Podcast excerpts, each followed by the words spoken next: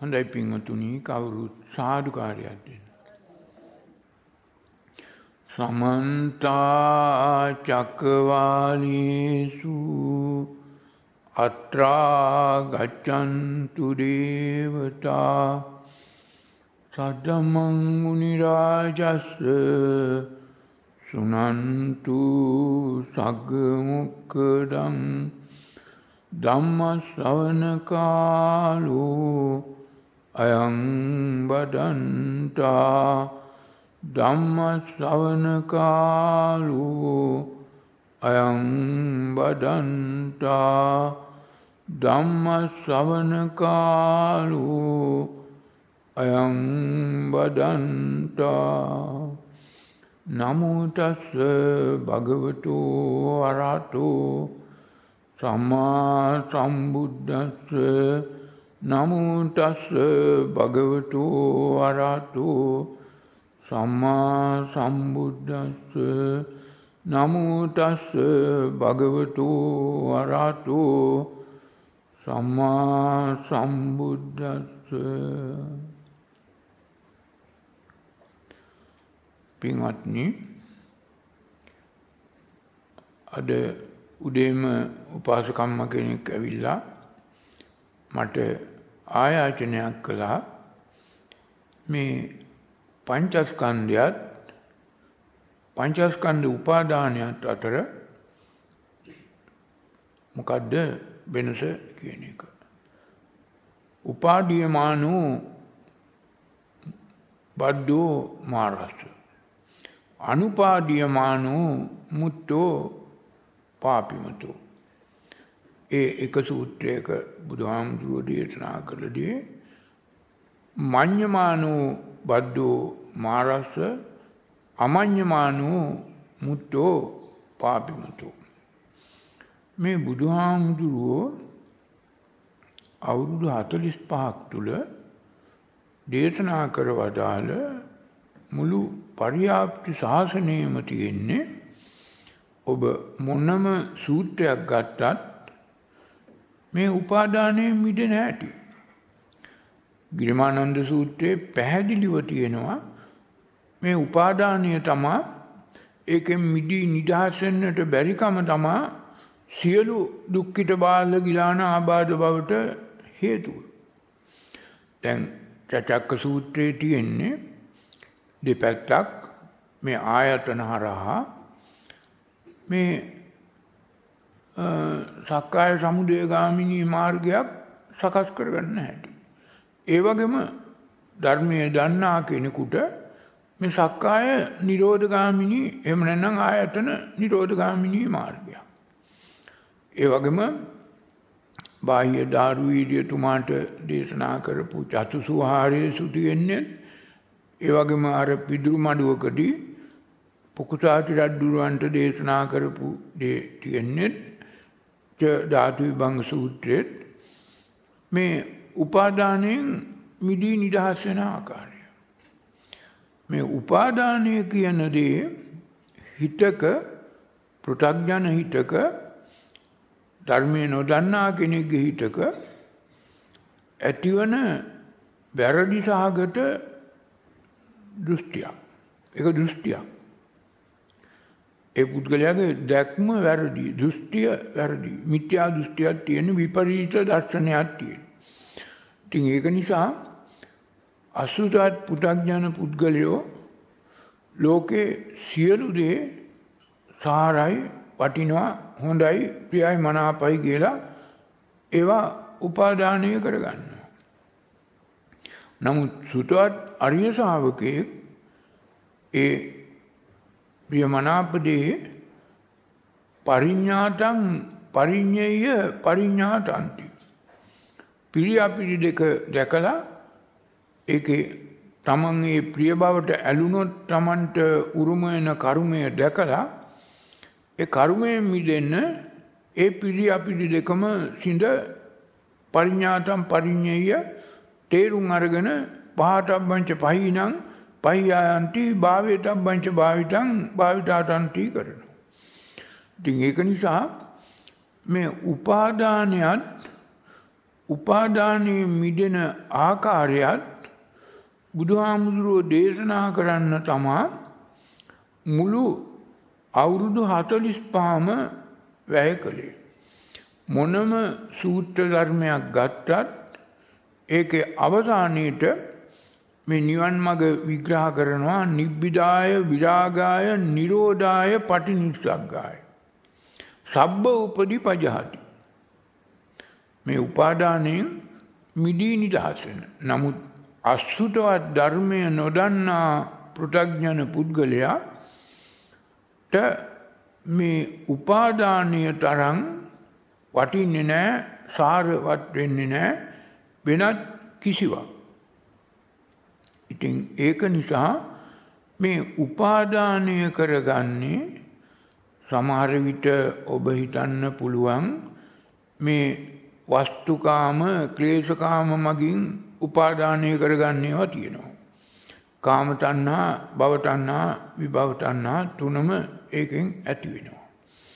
නමුත් මේ බුද්ධ දේශනාවට අනුව බොහෝ බෞද්ධයෝ අද ඉන්න බෞද්ධයෝ මේ උපාදානය කරගන්නේ ඔය කියන දේවල් පංචස්කන්ධයේ විතරක්ම නෙමෙයි. ඊට එහා ගිය මේ පින උපාදානය කරගන්නවා. නොදැන. ධ්‍යානයක් ලැබුවාම ධ්‍යානයත් උපාදානය කරගන්න. එතකොට මේ පින උපාදානය කර ගැනීමත් ධ්‍යානය උපාදානය කර ගැනීමත් ඒ වගේම යම් යම් ආකාරයකට ඊටත් එහා ගිය අපුඤ්ඤාභි සංකාර උපාදානය කර ගැනීමත් බෞද්ධයෙක් හැටියට තේරුම් අරගෙනම ඒකෙන් මිදී නිදහස් වෙන්න ඕන. දැන් බොහෝ බෞද්ධයෝ දන්නවා මේ නොයෙකුත් දේවල් මේ පංචස්කන්ධය පංචස්කන්ධය කියන එකත් තේරුම් ගන්න ඕන.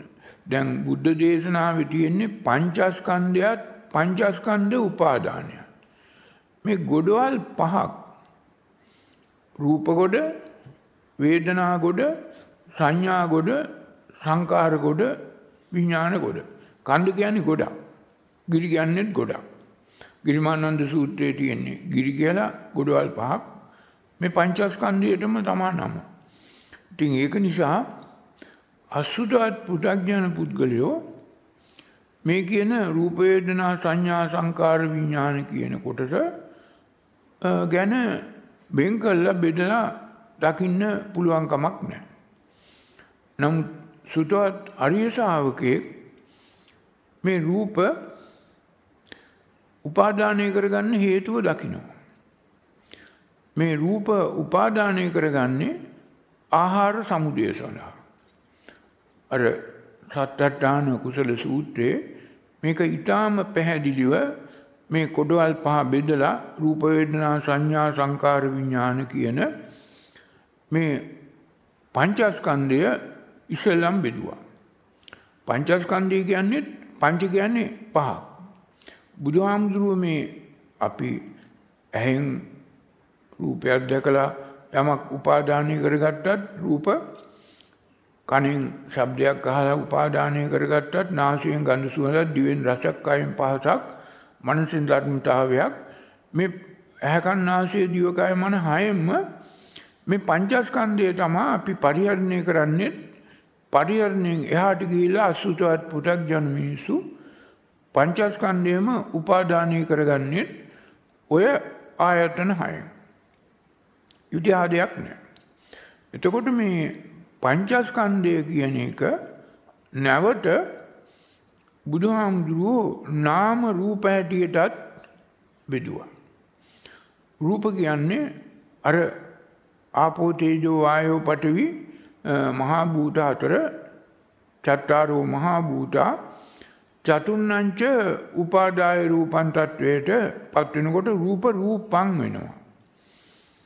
එතකොට අර රූපං රූප සමුදයන් රූප නිරෝධං රූප නිරෝධගාමිනින් පටිපදං කියලා මේකේ චතුාර්ය සත්‍ය විග්‍රහ කළා. මේ යම් කිසි කෙනෙක් මේ චතුරාර්ය සත්‍ය ධර්මය නිවැරදිව තේරුම් නොගත්තොත් එහෙම නැත්නම් සමුදය නිරෝධ කරන්නට නොදන්නා තාක්කල් උපාදානයෙන් මිදෙන්න බෑ. මේක හොඳට තේරුම් ගන්න ඕන මේ සමුදය වෙන්නෙම ඒ පිළිබඳව කැමැත්තක් චන්දරාගයක් තියෙන නිසායි. මේ චන්දරාගය කියන එක අසුතවත් පුටක්ඥන පුද්ගලයෙකුගේ ආමිස සුවය ආස්වාදය. ඇත්ත වශයෙන් අර මහා සතරාතිපට්ඨාන සූත්‍රයේ කිව්වා චක්කු ලෝකේ පිය රූපං සාත රූපං. සෝත ලෝකේ පිය රූපං සාත රූපං. ගාන ලෝකේ ගන්ධ ලෝකේ පිය රූපං සාත රූපං. ජීවා ලෝකේ රස ලෝකේ පිය රූපං සාත රූපං. කාය ලෝකේ පොට්ටම්බ ලෝකේ සාත රූපං පිය රූපං සාත රූපං. මනෝ ලෝකේ පිය රූපං සාත රූපං. මේ ඇයට කන්ට නාසයට දිවට කයට මනට හරියටම අරමුණු වෙන බොහෝ දේවල් පිය රූපං සාත රූපං ඒවා ප්‍රියයි සතුට දනවනවා. ඒකෙන් සහනයක් සුවයක් සැලසෙනවා කියලා හිතනවා. ඒක වටිනවා කියලා හිතෙනවා සාරයි කියලා හිතෙනවා. මේ සාරයි කියලා හිතෙන එක තමයි සාත රූපං කිව්වේ. පිය රූපං සාත රූපං නමුත් සුතවත් අරිය ශාවකයා දන්නවා මේ උපාදානයෙන් මිදෙන්න නම් මේ පිය රූපං සාත රූපං තේරුම් අරගෙන මේකෙන් ඇති වෙනවා තණ්හාවක් අර චක්කු ලෝකේ පිය රූපං සාත රූපං ettesa තණ්හා uppajjamana uppajjati නමුත් සුදවත් අරිය ශාවකයා දන්නවා මේ තණ්හාවක් ඇති වුණොත් අන්නේ එතෙන්දී ඌලට ඇමට අහු වුණා. හැබැයි ආස්වාදයක් ලබනවා. ඒ ආස්වාදයේ දිගින් දිගටම දිගින් දිගටම ලබාගෙන යනකොට අර කට්ට නිවේශමානා නිවේශට ගෙට ගන්නවා. උපාදානය කරගන්න. එතකොට මේ අසුතවත් පුටක්ඥාන පුද්ගලයා දන්නේ නැහැ තණ්හාවෙන් මිදෙන්න දන්නෙත් නැහැ උපාදානයෙන් මිදෙන්න දන්නෙත් නැහැ චන්ද්‍රරාගයෙන් මිදෙන්න දන්නෙත් නැහැ.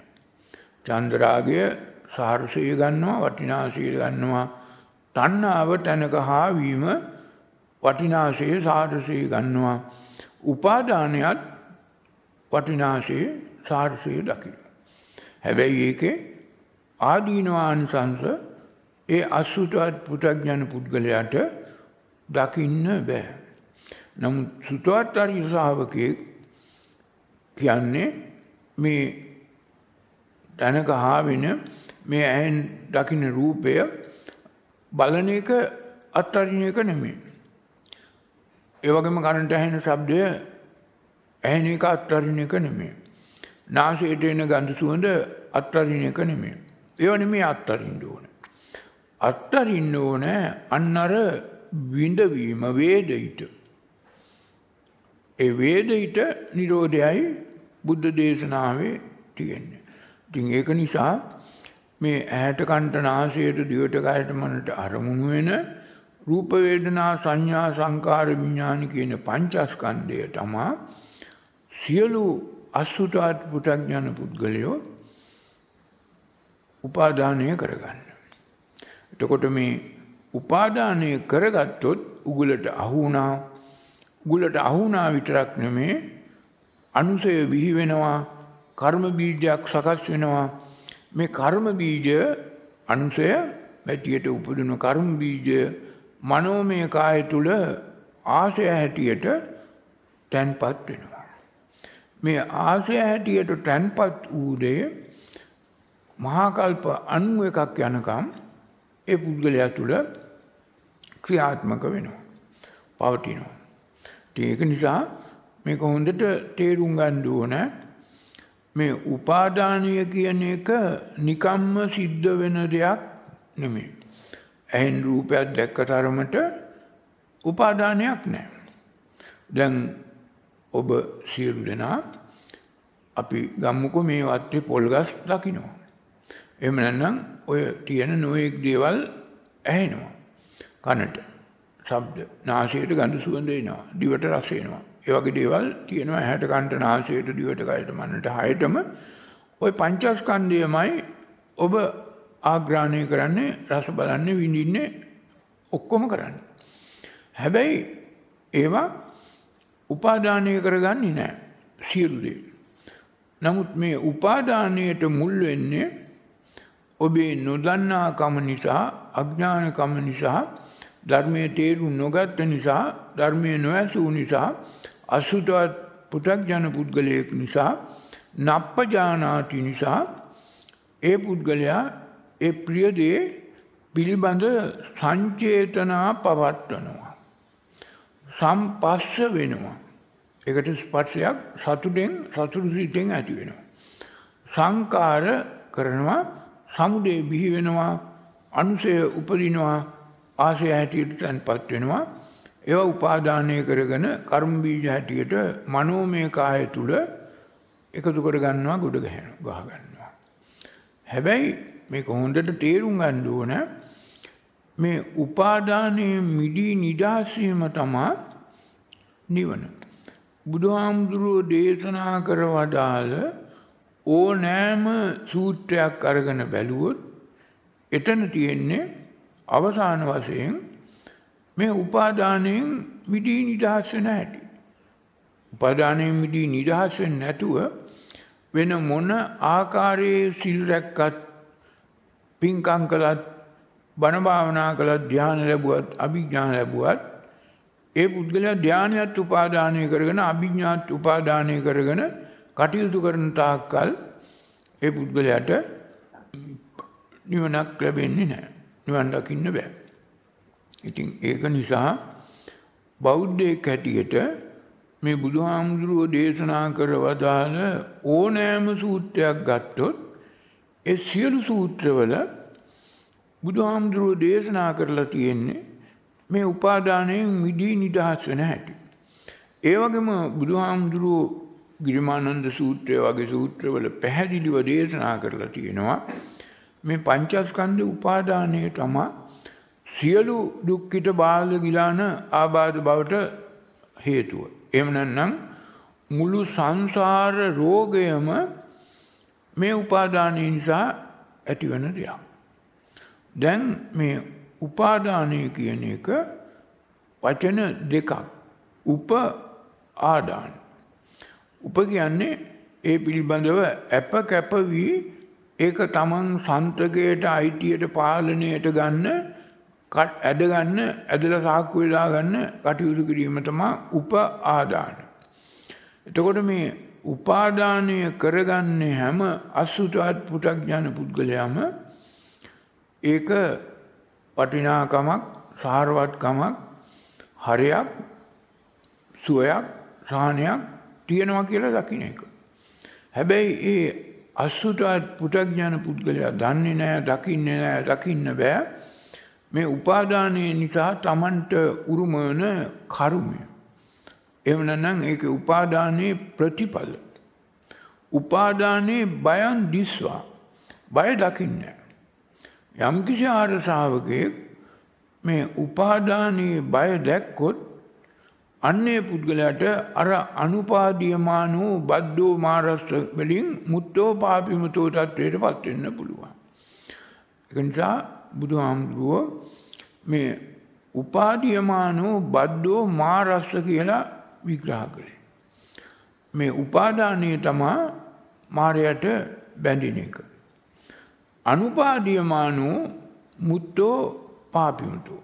එතෙන්දි බුදුහාමුදුරුවෝ මාරයට නම් කළේ පාපිමුතෝ. පාපිමුතෝගෙන් මුත්තෝ මිදී නිදහස් වෙනවා. කවුද? උපාදානයෙන් උපාදානය අත්තරින පුද්ගලයා අනුපාදීයමානු. ඉතින් ඒක නිසා මේ උපාදානය කියන එක අත්තරින්න ඕනේ වර්තමාන මොහොතේ.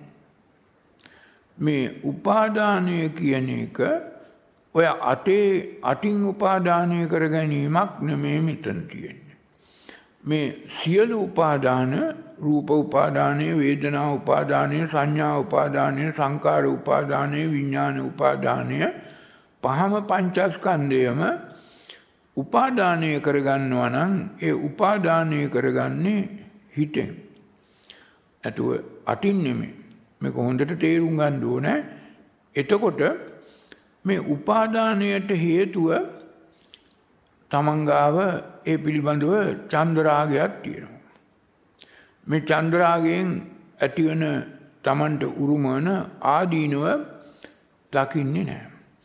ඒ වගේම මේ යම් ආස්වාදයක් සුඛ සෝමනස්ස සහගත බවක් තියෙනවා. ඒ තියෙන නිසායි ඒ ප්‍රිය රූපේට සාත රූපේට ඒ පුද්ගලයා තණ්හාවක් ඇති වුණේ. තණ්හාවක් නැතුව උපාදානයක් සිද්ධ වෙන්නේ නැහැ. තණ්හාපච්චය උපාදාන උපාදානපච්චය සංභවං මේ පටිච්චසමුප්පාද විග්‍රහයේත් මේකමයි බුදුහාමුදුරුවෝ කියලා තියෙන්නේ මේ උපාදානයට උපාදානය තමයි අවසානම පියවර සමුදය බිහි වෙන. සම්භවං කියන්නේ සමුදය බිහි වෙනවා. එතකොට ඔබ පටිච්චසමුප්පාද විග්‍රහය ගත්තත් මහනිදාන සූත්‍රයේ තියෙන පටිච්චසමුප්පාද විග්‍රහයට එන්නේ මේ පුද්ගලයෙක් අවිද්‍යාපච්චය සංකාර විඥාන නාම රූප සලආයතන පස්ස වේදනා තණ්හා උපාදාන උපාදාන පච්චය භව සම්භවಂತಿ මේක හොඳට තේරුම් ගත්තොත් ඔය ඕනෑම පියවරකින් අවස්ථාවකින් ඔබට මේ උපාදානය කඩන්න පුළුවන්. තණ්හාව කඩන්න පුළුවන්. ඒක නිසා මොන ආකාරයෙන් හරි බෞද්ධයෙක් හැටියට ඔබ නිවන් දකිනවා නම් දකින්න කැමති නම් දකින්න ඕන නම් විශේෂයෙන්ම බෞද්ධයෙක් හැටියට ඔබ පින උපාදානය කරගන්න එකෙන් මිදී නිදහස් වෙන්න ඕන. පින උපාදානය කරගන්න හැම මිනිහෙක්ම පරිවිමංසන සූත්‍රයේත් ඒ වගේම සරියුත් හාමුදුරුවෝ දේශනා කර වදාළ සංගීති සූත්‍රයේත් මේ අபிසංකාර තුන ගැන තයෝ මේ අபிසංකාරා ගැන විග්‍රහ කරලා තියෙනවා. ඉතින් ඒක නිසා බොහෝ බෞද්ධයෝ තමන්ගේ නිවන වහගන්නේ පින උපාදානය කරගෙන.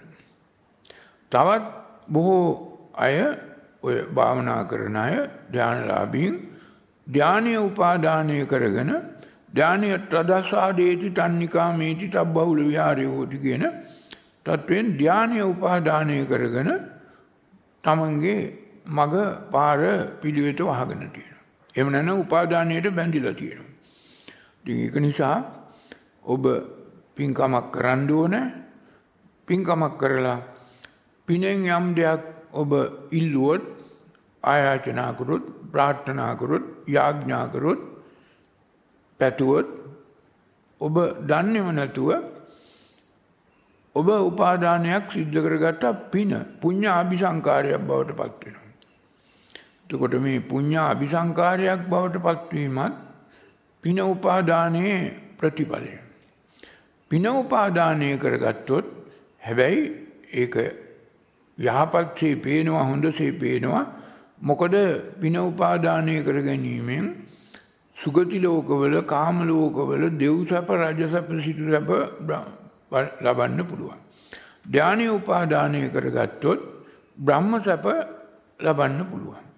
එතකොට ඒක අර බුද්ධාගමේ හොඳයි කියන්නේ හතර අපායෙන් මිදී නිදහස් වෙනවා.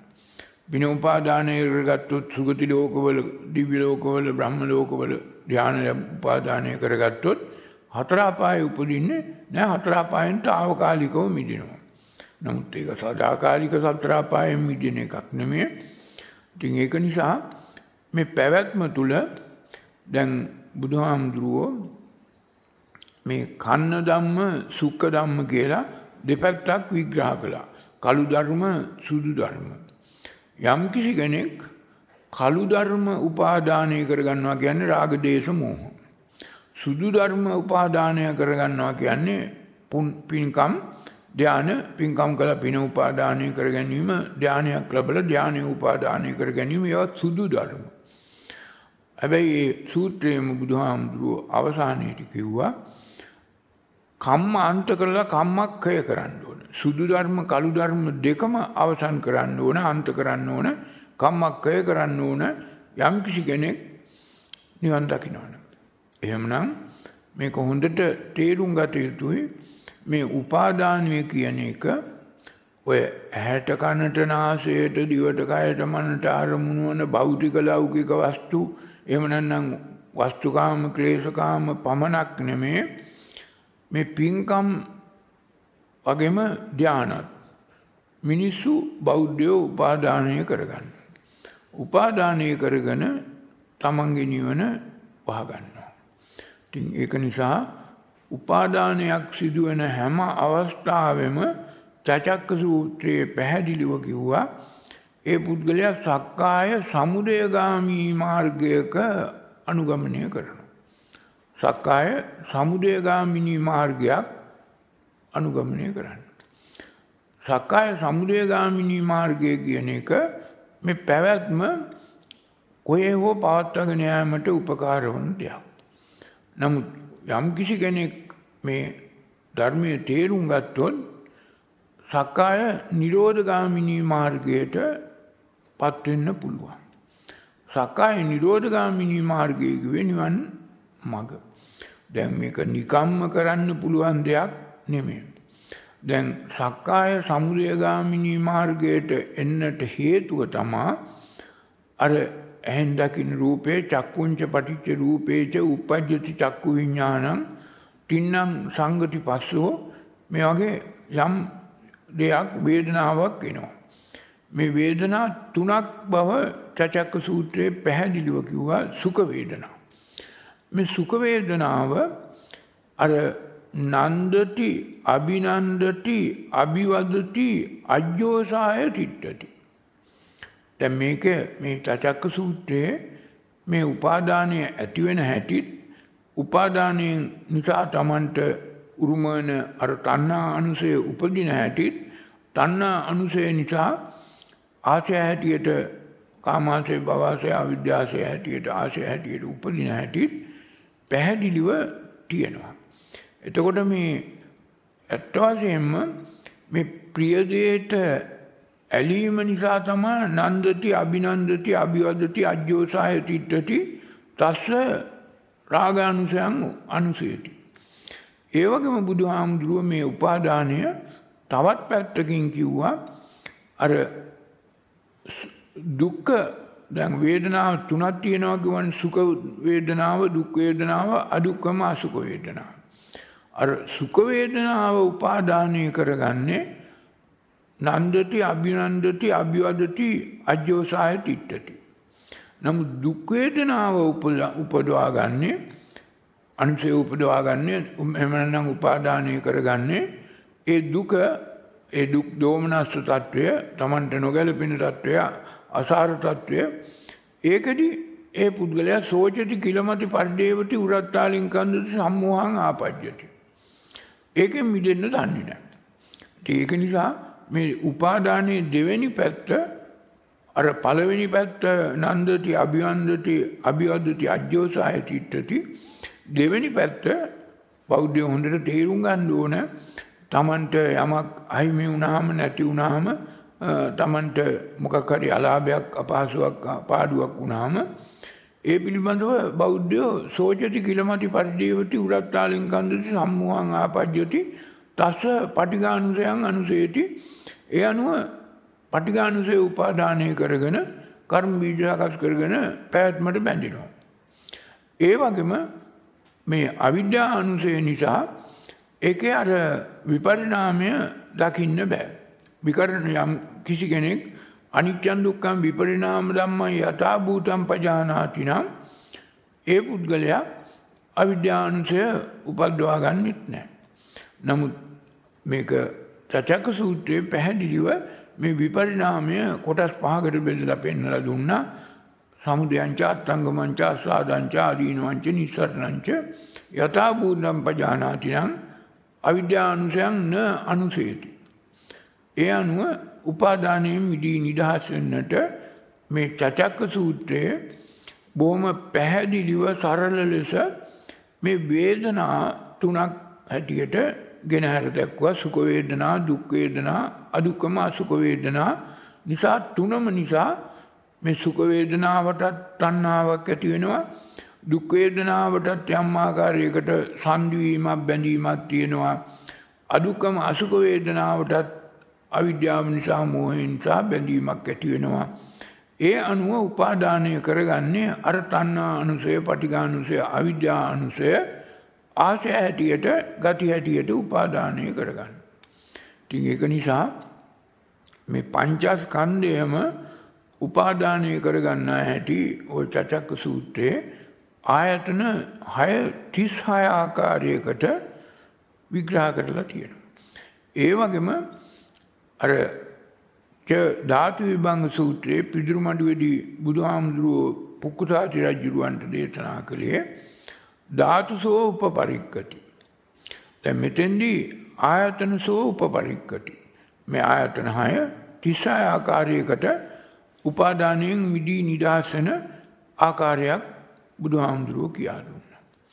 එතකොට චචක් ධාතු විභංග සූත්‍රයේ පුකුසාති රජුරවන්ට කිව්වේ ආපෝ තේජෝ වායෝ පඨවි මහා භූත හතරත් අවකාශ විඥාන කියන දෙකත් එකතුව ධාතු හයක් තියෙනවා මේ ධාතු හයටමත් මිනිස්සු මේ ධාතු හයමත් උපාදානය කරගන්නවා නාම රූප හැටියට. ඉතින් ඒක නිසා මේ නාම රූප උපාදානය කරගන්නවා කියන්නේ ඔය ඕකම තමයි පංචස්කන්ධ උපාදානය නැවත නාම රූප උපාදානය හැටියටත් බුදුහාමුදුරුවෝ දේශනා කළා. ඒ වගේම බාහ්‍ය දාරු වීර්යතුමාට දේශනා කරවදාල චතුසු වහාරේසු සූත්‍රයේ අර දිත්තේව දිත්තමත්තම් භවිෂති සුතේව සුතමත්තම් භවිෂති මුතේව මුතමත්තම් භවිෂති විඤ්ඤාතේ විඤ්ඤාතමත්තම් භවිෂති මේකෙන් තේරුම් කරන්නේ මේ උපාදානයෙන් මිදී නිදහස් වෙන ආකාරය. යම් කිසි කෙනෙක් මේ භවිෂ්‍යති සහ විපස්සති කියන බුද්ධ දේශනාවේ මාගදී භාෂාවේ වචනවල පදවැල්වල නිවැරදිව අට්ඨධර්ම නිරුක්ති තේරුම් ගත්තොත් මේවා බෙදලා බලන්න පුරුදුවන් වුණොත් මේ උපාදානයේ මිදී නිදහස් වෙන හැටි තමයි මේ කියලා තියෙන්නේ. දිත්තේව දිත්තමත්තං භවිෂ්‍යති. භවිෂ්‍යති කියන්නේ එක වචනයක් නෙමෙයි. බයන්නේ කියන්නේ බිහි වෙන බව. වී කියන්නේ වැරදි දේ බෙන් කර කර අස්කල්ලා අතාරින්න ඕන. අස් කරන්න ඕන. ඉතින් ඒක නිසා හිතේ බිහි වෙන වැරදි දේ වෙන් කර කර දැකලා ඒක අස් කරන්න ඕන ඒකයි භවිෂ්‍යති. එතකොට මේ හිතේ යමක් චිත්තේ අර චිත්ත වීතිගේ හිතට එන්නේ ඔය දිත්තේව දිත්තමත්තම් ඇහෙන් දැක්කදී සුතේව සුතමත්තම් කනට අහපුදේ අර චචක සූත්‍රයේ තියෙන ධර්මතාවයම බොහොම සරල ලෙස කෙටි විදිහට මේ උපාදානයෙන් මිදී නිදහස් වෙන ආකාරය තමයි භවිෂ්‍යති කියලා විග්‍රහ කළේ. ඒ වගේම අර බද්දේකරත් සූත්‍රවල මේ භවිෂ්‍යති වෙනුවට තියෙන්නේ විපස්සති. පච්චුප්පන්නංච යෝ ධම්මෝ තත්ත තත්ත විපස්සති. එතකොට මේ විපස්සති කියන එක තේරුම් ගත්තත් වැරදි දේ වෙන් කර කර ඒ මොහොතේ එතනම තත්ත තත්ත ඒ වැරදිදේ හිතේ උපදින මොහොතෙම එතනදිම වෙන් කර කර ඒක වැරදි බව දැනගෙන විපස්සති. වෙන් කර කර වැරදිදේ වෙන් කර කර ප්‍රහාණය කළා අස් කරන්න ඕනේ. විපස්සති. දැන් මේ ඇත්ත වශයෙන්ම ඔය භවිෂ්‍යති විපස්සති කියන වචන දෙකේම විග්‍රහ කළේ මේ උපාදානයෙන් මිදී නිදහස් වෙන හැටි. ගිරිමානන්ද සූත්‍රයේත් නොයෙකුත් ආකාරයට මේ දස සංඥාම වලම දොතාවේ තේරුම් ගත්ත පුද්ගලයෙකුට මේ උපාදානයේ මිදී නිදහස් වෙන හැටි තමයි බුදුහාමුදුරුවෝ කියලා තියෙන්නේ. එතකොට මේ මුළු බුද්ධ දේශනාවේ ඔබ ඕනෑම සූත්‍රයක් ගත්තත් ඔබට ඔය මම ඔබ අහලා තියෙන දන්නා අපි නිතර පාවිච්චි කරන මේ සූත්‍ර ගැන තමා මතක් කළේ. නමුත් අනික් ඕනෑම සූත්‍රයක් ගත්තොත් කොයි සූත්‍රය ගත්තත් තියෙන්නේ මේ උපාදානයෙන් මිදී නිදහසන පියවර ගන්නවා. මේක අවසාන පියවර තමා සියලු සූත්‍රවල අර ධම්මානු ධම්ම සූත්‍ර හතර තියෙන මේක අර නිබ්බිදාය විරාගාය නිරෝධාය පටිනිස්සග්ගාය. අර නලකලාප සූත්‍රයෙන් මේක තමයි තියෙන්නේ. ඉතින් ඒක නිසා මේ උපාදානය කියන එක තමා පුද්ගලයෙකුගේ හිතේ සියලු දුක් කිටබාල ගිලාන ආබාධ බවට හේතුව. ඒ වගේම මේ සංසාර ගමන දිගින් දිගටම මේ විදිහට පවත්වාගෙන යන්න හේතුවත් උපාදානය. ඒ වගේම මේ සංසාර ගමනේ ඔය ශෝක පරිදේව දුක්ඛ දෝමනස උපායාස සියලු දේ උරුම වෙන්නේ මේ කියන උපාදානයේ නිසාත් උපාදානයේ නිසා සම්භවං නිසා. දැන් ওই පටිච්චසමුප්පාද විග්‍රහය තේරුම් ගත්ත කෙනෙකුට අවිද්‍යාපච්චය සංකාර සංකාරපච්චය විඥාන විඥානපච්චය නාම රූප නාම රූපපච්චය සලආයතන සලආයතන පච්චය පස්ස පස්සපච්චය වේදනා වේදනාපච්චය තණ්හා තණ්හාපච්චය උපාදාන උපාදාන පච්චය සම්භවಂತಿ මේ සමුදේ බිහි වුණොත් ජාති ජරා මරණ ශෝක පරිදේව දුක්ඛ දෝමනස උපායාසා සම්භවಂತಿ සමුදේ බිහි වෙන එක සමග ජාති ජරා මරණ ශෝක පරිදේව උපායාස මේ සියලු දේ දුක් පැවැත්ම දුක්ඛ කන්දස්ම උරුම වෙනවා. ඒක නිසා මේ සියලු දෙනා හොඳට තේරුම් ගන්න ඕන මේ බුද්ධ දේශනාවේ මේ උපාදානයෙන් මිදී නිදහස් වෙන මාර්ගයක් තමයි බුදුහාමුදුරුවෝ මොන සූත්‍රය ගත්තත් මේ සියලු සූත්‍ර ධර්මවල කියන්නේ උපාදානයෙන් මිදී නිදහස් වෙන හැටි. මහා සතරාතිපට්ඨාන සූත්‍රයේ පියවර 21කින්ම පබ්බ 21කින්ම බුදුහාමුදුරුවෝ දේශනා කළා තියෙන අනිශ්චිතෝච විහෙරති නච්ච කිංචි ලෝකේ උපාදීයති. මේ ලෝකේ අපි කොච්චර කැමති වුණත් උපාදානය කරගෙන තියෙන දෙයක් අපිට කැමතිසේ නිච්චසේ සුඛසේ ආත්මසේ ගන්න බෑ පවත්වන්න බෑ නවත්තන්න බෑ. මේක තේරුම් ගන්න ඕන. මේක තේරුම් ගත්ත පුද්ගලයෙක් මේ උපාදානයෙන් මිදී නිදහස් වන්නට අවශ්‍ය කටයුතු කරනවා. එතකොට ඔබට මේ විදිහට මේ උපාදානයෙන් මිදී නිදහස් වෙන්න ඕන බව නිදහස් විය යුතු බව නිදහස් වීමම නිවන බව තේරුම් ගත්තාම බුදුහාමුදුරුවෝ මේක ඊට පස්සේ මහා රාහුලවාද සූත්‍රයේත් ඒ වගේම ඒකදම් සූත්‍ර 20කත් බුදුහාමුදුරුවම දේශනා කරනවා මේක ධම්මවිහාරී සූත්‍රයේ ඒකම දේශනා කරලා තියෙනවා. නමුත් ඊට පැහැදිලිව සරලව මේක මේ ආනපාන සති සමාධි සූත්‍රවල දේශනා කරලා තියෙනවා. ඒ වගේම මේ අර ඒකදම්ම සූත්‍ර 20ක දේශනා කරලා තියෙනවා ආනපාන සති සමාධි භික්කවේ ඒකදම්මෝ භාවිතෝ බහුලීකතෝ චත්තාරෝ සතිපට්ඨානේ පරිපූර්ණතු කියලා. ඉතින් ඒක නිසා ඔබ හොඳට තේරුම් ගන්න ඕන ඔබේ හිතට යම් ආකාරයකට ප්‍රියමනාප දෙයක්, මිහිරි දෙයක්, සුබ දෙයක්, සුන්දර දෙයක් යම් ආමිෂ සෝයක් උපදින දෙයක් ඇහැට කන්ට නාසයට දිවට කයට මන්ට අරමුණු වුණොත් ඒ අනුව ඒකට ඔබ ඔබ ඒකට කැමති වෙනවා ආස වෙනවා තණ්හා වෙනවා උපාදානය සිද්ධ වෙනවා ඒකට බැඳෙනවා උගුලට අහු වෙනවා හැම කනවා. හැම කාලා උගුලට අහු වෙනවා. නමුත් ඔබ ඒක තේරුම් ගත්තොත් අර සත්තට්ඨාන කුසල සූත්‍රයේ කිව්වාගෙම යම් සුඛ සෝමනස්ස සාගත රූපයක් ආස්වාදනය කළොත් ඒක නිත්‍යසේ පාත්තන්න බෑ. අනිච්චන් දුක්ඛං විපරිණාම ධම්මං. යම් කිසි කෙනෙක් මේ අනිච්චන් දුක්ඛං විපරිණාම ධම්මං යථා භූත ඥාන දර්ශනයෙන් තේරුම් ගත්තොත් මේක Tamanට කැමතිසේ නිච්චසේ සුඛසේ අර්ථසේ ගන්න බෑ. ඒක නොදන්නා මේ පුද්ගලයා තමා ඒකට තණ්හා වෙලා ඒක උපාදානය කරගෙන කර්ම බීජයක් එකතු කරගෙන ගතියක් හැටියට Taman තුල මේ රාග ගතිය ප්‍රිය දෙයට ඇලීමේ රාග ගතිය ඇති කරගන්න. නමුත් ඒක ඇත්ත වශයෙන්ම නිත්‍යසේ පාත්තන්න බෑ සුඛසේ පාත්තන්න බෑ දුකටපත් වෙනවා මමත්වයෙන් අත්සේ ගන්න බෑ විපරිණාමයටපත් වෙනවා.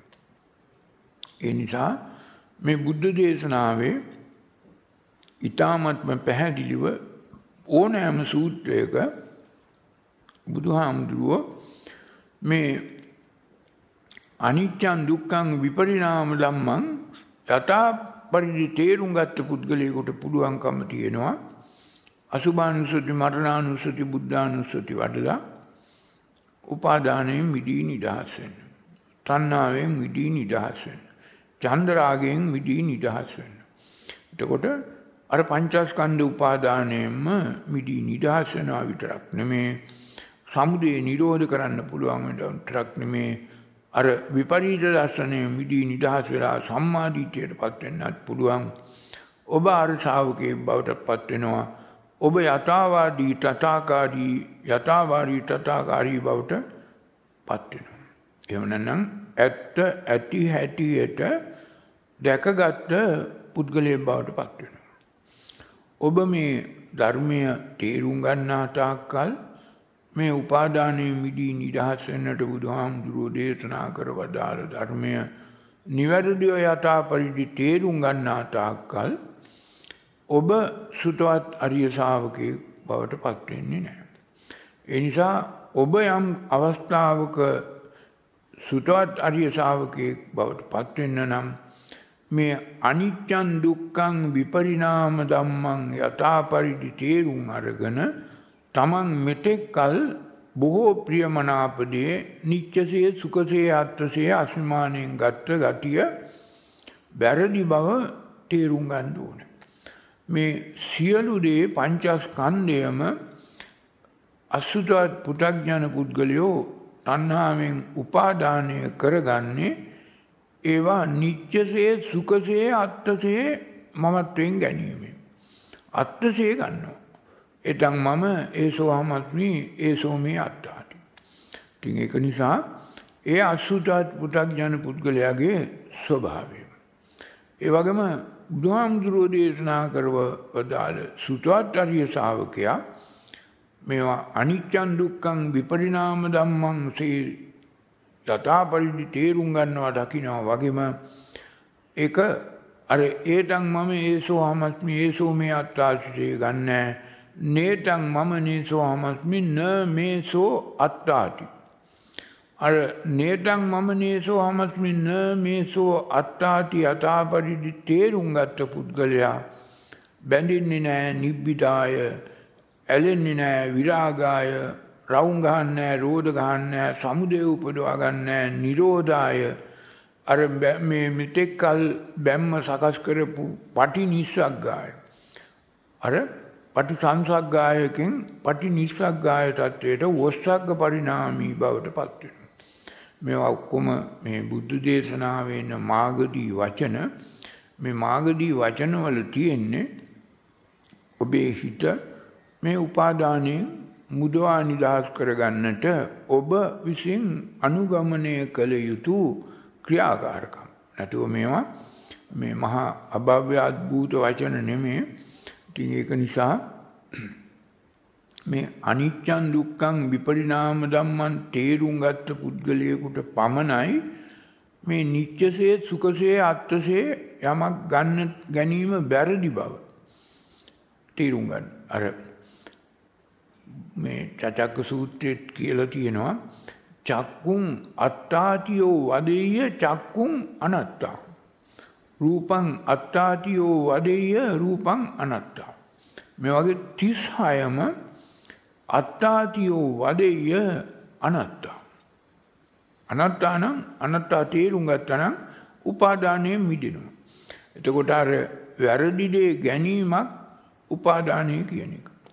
ඉතින් ඒක නිසා අසුතවත් පු탁ඥන පුද්ගලයා මේ ඇහැට කන්ට නාසයට දිවට කයට මනට අරමුණු වෙන 36 ආකාර වූ දේවල්ම මේ නිත්‍යසේ සුඛසේ අත්‍යසේ ගන්නවා ඒතන් මම ඒසෝ අමස්මි ඒසෝ මේ අත්තාටි කියලා මේ චචක්ක සූත්‍රයේ අර සමුදය ගාමිනී පාරේ 36 ආකාරයටම පෙන්නනවා.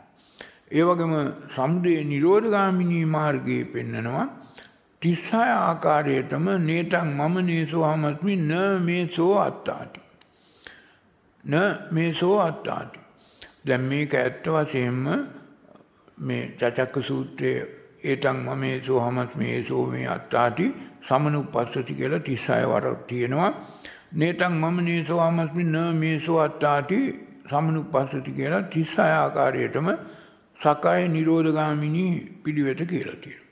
සකාය සමුදයගාමිනී පිළිවෙත අසුතත් පු탁ජන පුද්ගලයාගේ හැසිරීම සකාය නිරෝධගාමිනී පිළිවෙත සුතවත් අරිය ශාවකයාගේ හැසිරීම.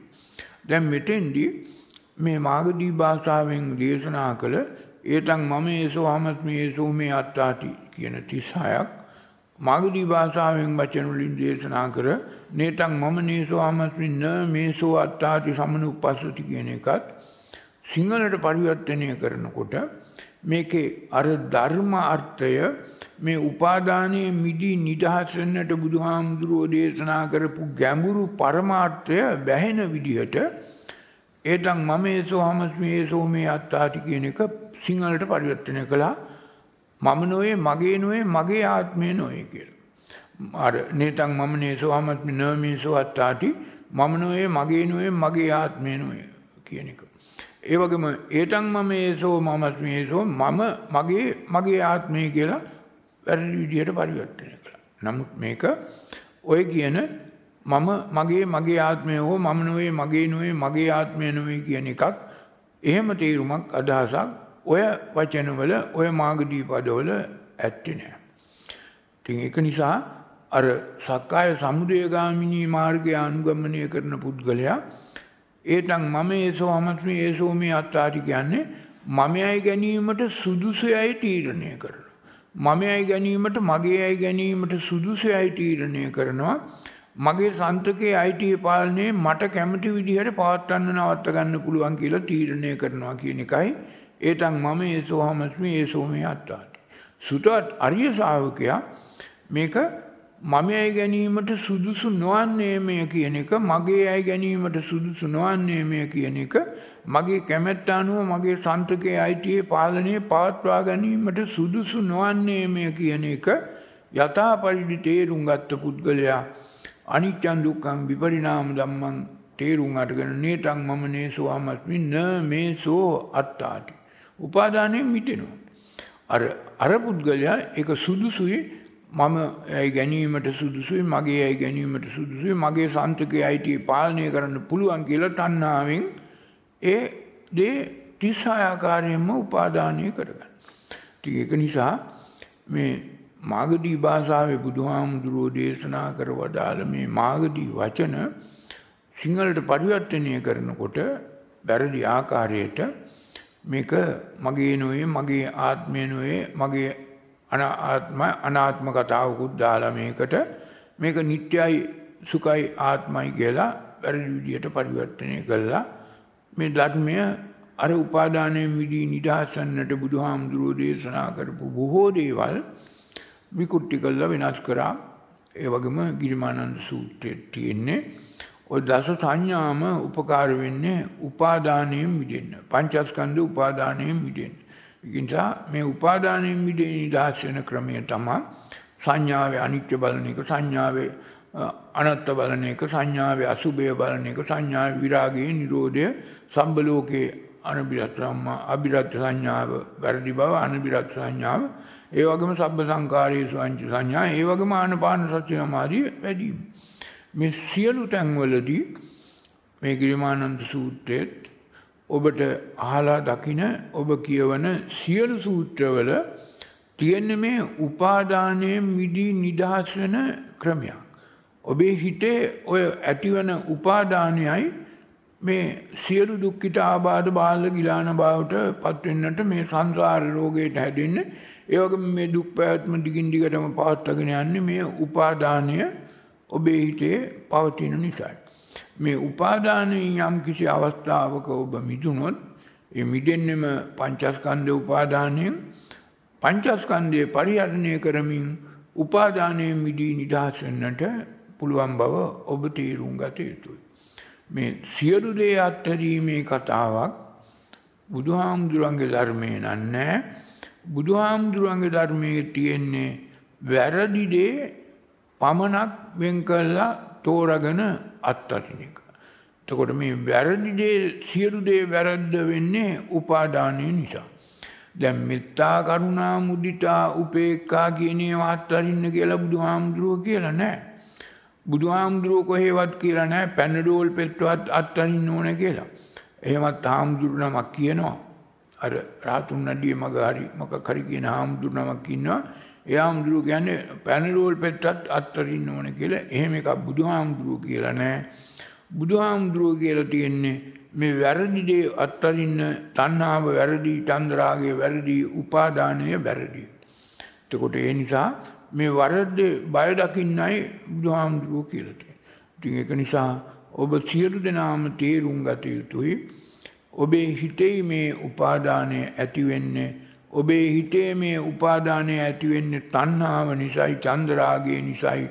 මේ පංචස්කන්ධය සාරයි වටිනවා හොඳයි කියලා ප්‍රියයි මනාපයි කියලා ඔබ දකින තාක්කල් ඔබට මේ පංචස්කන්ධය පිළිබඳව රූප වේදනා සංඥා සංකාර පහ පිළිබඳවම තණ්හාවක් ඇති වෙනවා උපාදානයක් සිද්ධ වෙනවා ඔබ උගලට අහු වෙනවා හැම කනවා ඔබ සමුදය බිහි කරගෙන අනුසය උපාදානය කරගෙන මේ පැවැත්මට අවශ්‍ය වන්නා වූ කර්ම බීජ පොදියක් සකස් කරගෙන මේ ගමන යන්න අවශ්‍ය දේවල් සකස් කරගන්න.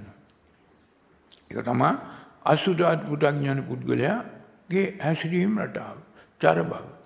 නම් සුතුවත් අරිය ශාවකයා දන්නවා මේ කිසිවක් සාරසය ගන්න හොඳ නෑ මේ කිසිවක් නිච්චසේ ගන්න හොඳ නෑ මේ කිසිවක් සුකසේ සුචිසේ සුවසේ සුභසේ ගන්න හොඳ නෑ මේ කිසිවක් අත්තසේ මම කොට ගන්න අස්මානයෙන් ගණ්ඩ හොඳ නෑ.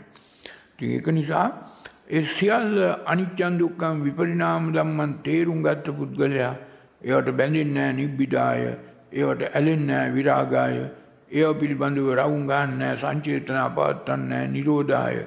ඒ අනුව උපාදානයේ මිදෙනවා සබ්බ උපදීපජහති මේක හොඳට තේරුම් ගන්න ඕන මොනම සූත්‍රයක් දේශනා කළත් බුදුහාමුදුරුවෝ අවසානයේදී නිවන් දකින මඟ කියන හැම සූත්‍රයකම නිබ්බිදාය විරාගාය නිරෝධාය පටිනිස්සග්ගාය මේ පැහැදිලි විග්‍රහය කරලා තියෙනවා. ඉතින් ඒක නිසා ඔබේ හිතේ ඔය ඔය බුදුහාමුදුරුවෝ කියපු දේ වචන ටිකක් පමණක් නෙමෙයි ග්‍රන්ථ ධූරය පුරන්න කටපාඩම් කරගෙන හරියන්නේ මේක ඔබම බැඳි බැඳි ආපු එකෙන් මිදෙන්න ඕනේ නිබ්බිදාය. ඔබම චන්ද්‍රාගෙන් ඇලුණු දෙයින් මිදෙන්න ඕන විරාගාය. ඔබම මේ වැරදි විදිහට සංචේතනා පවත්වල සම්පස් වෙලා සංකාර කළ සමුදේ බිහි කරගත්ත එක රුජ්ජති රෝධ ගැහිම ඒ රෝධ ගැහිමෙන් ඔබම මිදී නිදහස් වෙන්න ඕන නිරුජ්ජති නප්පටි විරුජ්ජති. ඉතින් ඒ අනුවයි පටිනිස්සග්ගානුපස්සී විහෙරති සබ්බ උපදී පජාති කරන්නේ. ඉතින් ඒක නිසා මේ පංචස්කන්ධ උපාදානයේ මිදී නිදහස් වීම තමා බුදුහාමුදුරුවෝ නිවන හැටියට කිව්වේ. එතකොට යම් කිසි කෙනෙක් සතර කම්ඨාන් කරනවා නම් සමුදය නිරෝධ කරනවා නම් වර්තමාන මොහොතේම උපදින සමුදය වර්තමාන මොහොතේම එතනදිම නිරෝධ කරනවා නම් ඒ නිරෝධ වීම නිසා තණ්හාව නිරෝධ වෙනවා උපාදානය නිරෝධ වෙනවා ඒ අනුව මගපල් ලබනවා ඒ පුද්ගලයාගේ හිත කිලුට වෙන්නේ පිරිසිදු වෙනවා. ඉතින් ඒක තමයි ඔය මොන සූත්‍රයක කොයි සූත්‍රයක කිව්වත් මේ දෙපැත්තක් තියෙනවා. හිත කිලුට වෙන ආකාරයත් ඒ හිතම පිරිසිදු කරගන්න ආකාරයත්. හිත කිලුට වෙන්නේ තණ්හාවෙන් උපාදානයෙන් චන්ද්‍රාගයෙන් හිත පිරිසිදු වෙන්නේ තණ්හක්කෝ විරාගෝ නිරෝධෝ නිබ්බානන්ත. තණ්හාව උපාදානය හිතෙන් අයින් කිරීම. මුදවා නිදහස් කිරීම. තණ්හාවෙන් මිදී නිදහස් වීම. තණ්හක්ඛයෝ විරාගෝ නිරෝධෝ නිබ්බාන. ඒක නිසා මේක හොඳට තේරුම් ගන්න ඕනේ. මේ පංචස්කන්ධය කියන එක ඔබ හොඳට දන්නවා. ඔබ ජීවත් වෙනකොට ජීවත් වෙන හැම මොහොතකම ඔබ ඔය භාවිතා කරන්නේ ඔය පංචස්කන්ධය. ඔබ හුස්ම ගත්තත්, වතුර බිව්වත්, කෑම කෑවත් ඔය ආපෝ තේජෝ ආයෝ පඨවි මහා භූත හතර කියන රූප තියෙනවා. ඒ වගේම මේ වතුර බොනකොට හුස්ම ගන්නකොට ඔබට වේදනාවක් එනවා. සංඥා සංකාර විඥාන එනවා පෘථග්ජන පුද්ගලයෙකුට. නමුත් ආර්ය ශ්‍රාවකයේ රූප වේදනා සංඥා කියන සබ්බචිත්ත සාධාරණ ක්‍රියාකාරකම් තුන කරන අතර සංකාර කරන්නේ ක්‍රියාසිත පවත්වනවා. ඒ අනුව විඥාණයෙන් කටයුතු කරන්නේ ප්‍රඥාවෙන් කටයුතු කරනවා. එතකොට ප්‍රඥාවෙන් කටයුතු කරන හැම පුද්ගලයෙක්ම උපාදානයෙන් මිදී නිදහස් වෙනවා. විඥාණයෙන් කටයුතු කරන හැම පුද්ගලයෙක්ම උපා තණ්හාවෙන් උපාදානය කරගෙන ආමිෂ සුවයක් විඳලා උගලට අහු වෙලා මේ පැවැත්ම දුක් පැවැත්ම නැවත නැවත යලි යලි නිර්මාණය කරගන්න. ඒක නිසා මේ දුක් පැවැත්ම නිර්මාණය කරගන්න හේතුව තමයි ওই චන්ද්‍රාගයත් තණ්හාවත් තණ්හාවේ ප්‍රතිඵලයක් හැටියට තණ්හාපච්චය උපාදාන. උපාදානයේ නිසා සම්භවಂತಿ සමුදය බිහිවීමත්. ඒක නිසා මේ බුද්ධ දේශනාවේ මොන සූත්‍රයක කොතැනක කොහේ හෝ දේශනා කළත් ඔය ධර්මතාවයේ තමයි ඔගේ දෙපැත්ත තමයි විග්‍රහ කරලා තියෙන්නේ බැඳෙන හැටිත් බැන්මෙන් මිදී නිදහස නැටි නිබ්බිදාය කියන්නේ මෙතෙක් බැඳි බැඳි ආපු බැන්මෙන් මිදී නිදහස් වෙන ආකාරය. නැතුව කලකිරීමක් නෙමෙයි. නමුත් ත්‍රිපිටකය කියන පොතේ සිංහලට පරිවර්තනය කරපු හැම තැනකම ලක්ෂ වාරයක් තියෙනවා මේ මේ වචනේ නිබ්බිදාය විරාගාය නිරෝධාය පටිනිස්සග්ගාය නිබ්බිදාය කියන්නේ කලකිරීම කියලා දාලා තියෙනවා. නමුත් කලකිරීමක් මේ කියන්නේ අපි ගත්තොත් කලකිරීම කියන්නේ ද්වේෂයෙන් ඇති වෙන දෙයක්. නමුත් නිබ්බිදාය කියන්නේ මෙතෙක්කල් අර අපි නොදැන බැඳුණු දෙයින් ඒ බැම්මෙන් මිදී නිදහස් වෙනවා කියන එකයි. බැම්මෙන් මිදී නිදහස් වෙනවා කියන එකයි නිබ්බිදාය. බැම්ම සකස් කරන්නේ නැහැ කියන එකයි නිබ්බිදාය. විරාගය කියන්නේ රාගයෙන් ඇලෙන්නේ නැහැ කියන එකයි. නිරෝධය කියන්නේ අපි රුජ්ජති නිරුජ්ජති නප්පටි විරුජ්ජති తත්වය අපි දැනගෙනම කරන එකයි. ඉතින් ඒක නිසා මොන සූත්‍රයක් ගත්තත් කොහේ ගත්තත් බුද්ධ දේශනාවේ තියෙන්නේ මේ පංචස්කන්ධ උපාදානය පෙන්නලා පංචස්කන්ධ උපාදානයේ මිදී නිදහස් වීමෙන් ලබන විමුක්තිය විමුක්ති ඥාන දර්ශනය නිවන පිළිබඳව දේශනා කළා. සමුදය නිරෝධ කරනවා කියන්නේත් ඒකයි. ඉතින් ඒක නිසා ඔබ සියලු දෙනාම මේක හොඳට තේරුම් ගත්තොත් මේ උපාදානයේ මිදී නිදහස් වෙන්නටයි බුදුහාමුදුරුවෝ මේ ධර්මයේ දේශනා කළේ. ඔබ ධර්මයේ නොදැන ආගමක් අදහැව්වට ඔය ආගමේ පින්කමක් උපාදානය කර ගැනීමත් ඔය ආගමෙන් ධානයක් ලැබලා ධානය උපාදානය කර ගැනීමත් ඔබේ නිවන ඔබම අහගන්නා බව තේරුම් ගන්න ඕන. අද සිංහල බෞද්ධයෝ ලෝකේ වර්තමාන මේ බුද්ධ ආගමේ පින උපාදානය කර ගැනීමත් ධානය උපාදානය කර ගැනීමත් නිසා සියලු මිනිසුන්ගේ සියලු බෞද්ධයන්ගේ නිවන වහිනවා. මේක හොඳට තේරුම් අරගෙන පිනත් පුඤ්ඤ පාප පහිනස්ස පින උපාදානය කර ගැනීමත් වැරදි. ධානයක් ලැබුවොත් ධානය උපාදානය කර ගැනීම ආස්වාදනය කිරීමත් වැරදි. මේකනුත් මිදී නිදහස් වෙන්න ඕන බව තේරුම් ගත්තොත් ඔබ නිවැරදි බෞද්ධයෙක් වෙනවා. ඔබ නිවන් දකින්නට සුදුසු පුද්ගලයෙක් වෙනවා. ඔබ සක්කාය නිරෝධගාමිනී මාර්ගය ප්‍රතිපදාවෙන් ආර්ය ශ්‍රාංක මාර්ගය පූර්ණය කරගෙන චතුරාර්ය සත්‍ය අවබෝධයෙන් නිවන් දකින්නට සුදුසු පුද්ගලයෙක් වෙනවා දුකෙන් මිදෙන්නට සුදුසු පුද්ගලයෙක් වෙනවා. එතකොට මේ දුකට හේතුව උපාදානය උපාදානය කියන හේතුව ඉවත් කළාම දුක කියන ඵලය ඔබට උරුම වෙන්නේ නැහැ. ඉතින් ඒක නිසා ඔබ මිනිසෙක් හැටියට කල්පනා කරන්න පුළුවන් මෙනෙහි කරන්න පුළුවන් යෝනිසෝ මනසිකාරයෙන් කටයුතු කරන්න පුළුවන් මේ උපාදානයේ බය දැකලා මේ උපාදානයට හේතු තියෙනවා ඒ උපාදානයට මුල් වූ හේතු නිවැරදිව දැකලා ඒ හේතු වලින් මිදී නිදහස් වෙනාම උපාදානය කියන தත්වයෙන් මිදී නිදහස් වෙන්නට පුළුවන් බව ඔබ සියලු දෙනාම තේරුම් ගත යුතුයි. දැන් අපි ඒ ඔබෙන් පින් බලාපොරොත්තු වෙන සියලු ඥාතීන්ට පරදත්ත උපජීවින්ට දෙවි දේවතාවුන්ට භූතයන්ට ප්‍රේතයන්ට අපෙන් යුතුයකමක් වගකීමක් ඉටු කිරීම හැටියට ඒ සියලු දෙනාට සිහිපත් කළා. කැපකොට පින් අනුමෝදන් කරන චේතනාවෙන් පින් දෙන්නට පින් පවරන්නට මේ ගාතාවන් කියලා පින්. එත්තාවතාචා ඊ සම්බදම් පුඤ්ඤ සම්පදං සබ්බේ දේවානුමෝදන්තු සබ්බ සම්පත්ති. එත්තාවතාචාමේ සම්බදම් පුඤ්ඤ සම්පදං සබ්බේ භූතානුමෝදන්තු සබ්බ සම්පත්ති. සිද්ධි එත්තාවතාචාමේ සම්බදම් පුඤ්ඤ සබ්බේ සත්තානුමෝදන්තු සබ්බ සම්පත්ති සිද්ධිය. ඉදම් මේ ඥාතිනං හෝතු සුඛිතා හුන්තු ඥාති.